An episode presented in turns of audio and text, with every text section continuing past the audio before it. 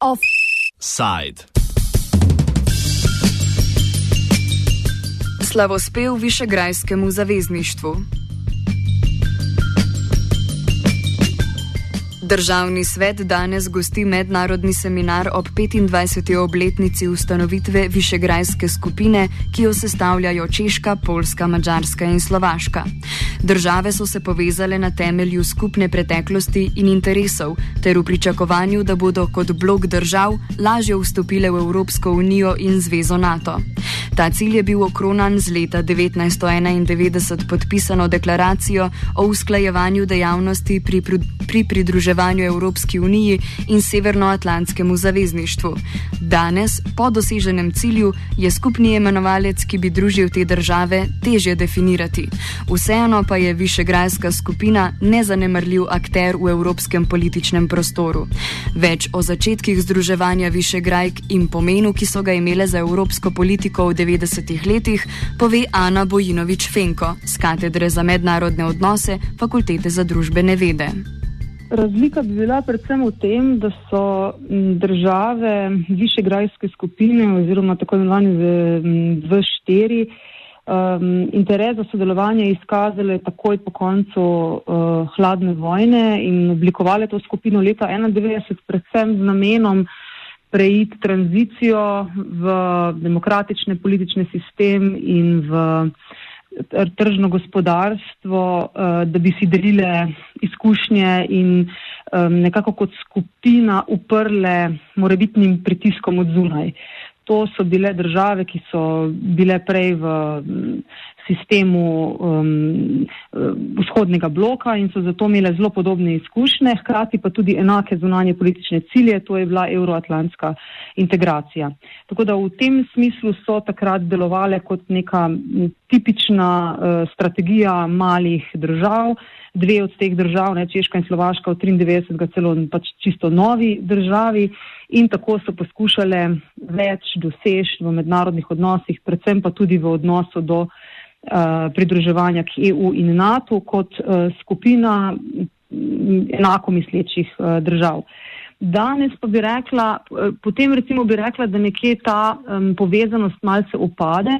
Celo leta 1993, ko se je Slovenija zaradi te svoje um, zunanje politične strategije stran od Balkana k srednji Evropi in lastni identifikaciji kot srednja evropska država, država želela celo pridružiti višegrajski skupini, uh, je ta skupina celo um, takratnemu premijeju Drnovšku uh, odgovorila, da ne bodo obravnavali sploh te slovenske prošnje, zato ker ta skupina formalno ne bo več obstajala, ker nima struktur, um, niti nekih skupnih akcij ali nekih elementov koordinacije, torej ker ni obstajala kot mednarodna. Um, Um, kot medvladna organizacija ne, v tej formalnem pomenu.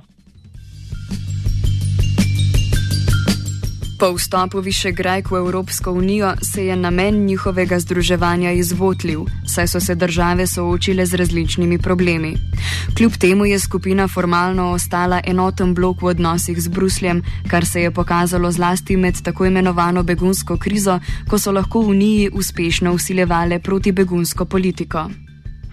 Um, potem pa bom rekla, z članstvom v Evropski uniji pa ta skupina zopet dobi pomen, kajti ob fazi pridruževanja k Evropski uniji se je države, teh recimo deset, ki se jih je dva štiri uh, uh, priključilo, obravnavalo bolj ali manj v paketu, potem pa se s članstvom v EU že začne uh, nekako izpostavljati, da pa so, niso vse te države enake, da imajo različne uh, zunanje politične interese, tako na EU ravni kot uh, globalno. In te štiri države se vsaj po analizi glasovanja v svetu Evropske unije, nekje že od leta 2004 izkazujejo kot koherentna skupina, uh, ki sodeluje, pravzaprav vedno glasuje ali pa skoraj vedno glasuje enako v grozdu, uh, najbližje seveda temu centru okoli Nem Nemčije kot um, neke večje ali pa velike sile v Evropski uniji.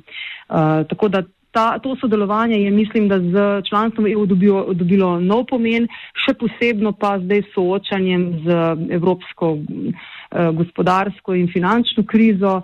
Um, te države, um, pač večina od teh držav ima še vedno nacionalne, nacionalne valute um, in se glede na tip gospodarstva, ki je zelo odprto, recimo v tem primeru drugačno od Slovenije, zelo hitra liberalizacija domačega trga je bila vzpostavljena in se na tak način lahko s podobnimi strategijami soočajo z izzivi uh, kot male države, članice Evropske unije ali pa širše v mednarodni skupnosti.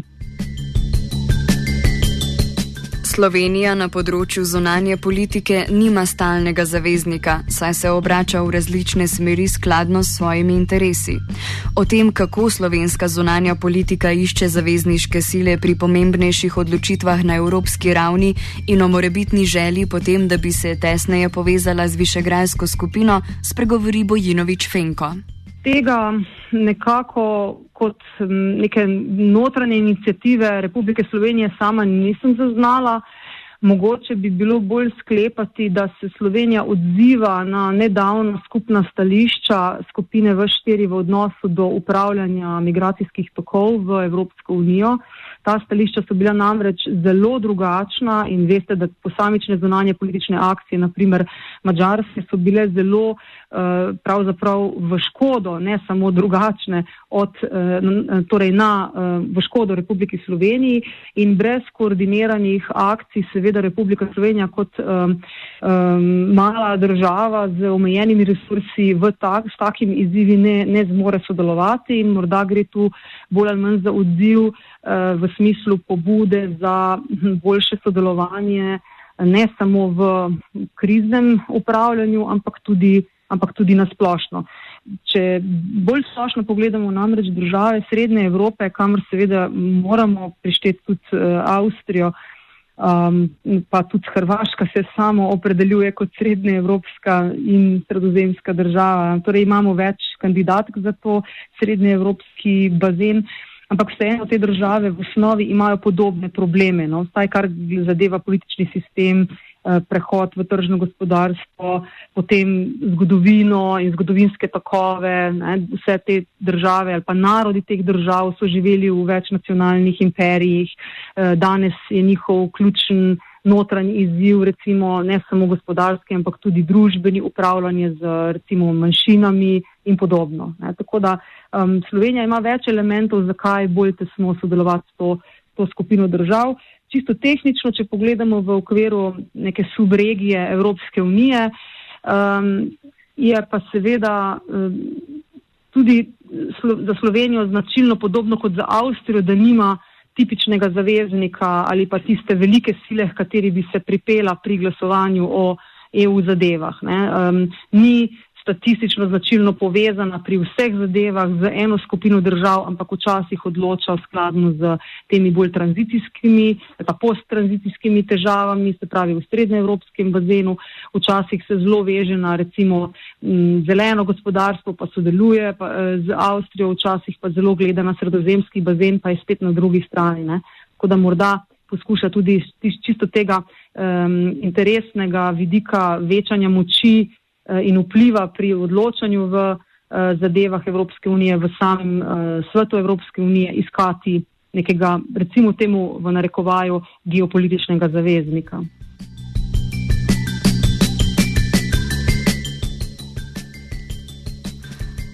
Višegrajski skupini oziroma predvsem mačarski je bilo v zadnjih mesecih večkrat očitano neprimerno in nes nesolidarno odzivanje na begunsko problematiko. Slovensko stališče glede tega je bilo tipično medlo. Z njo občasno tudi sodeluje v sklopu razširjene skupine Višegrad Plus in se udeležuje njenih dogodkov.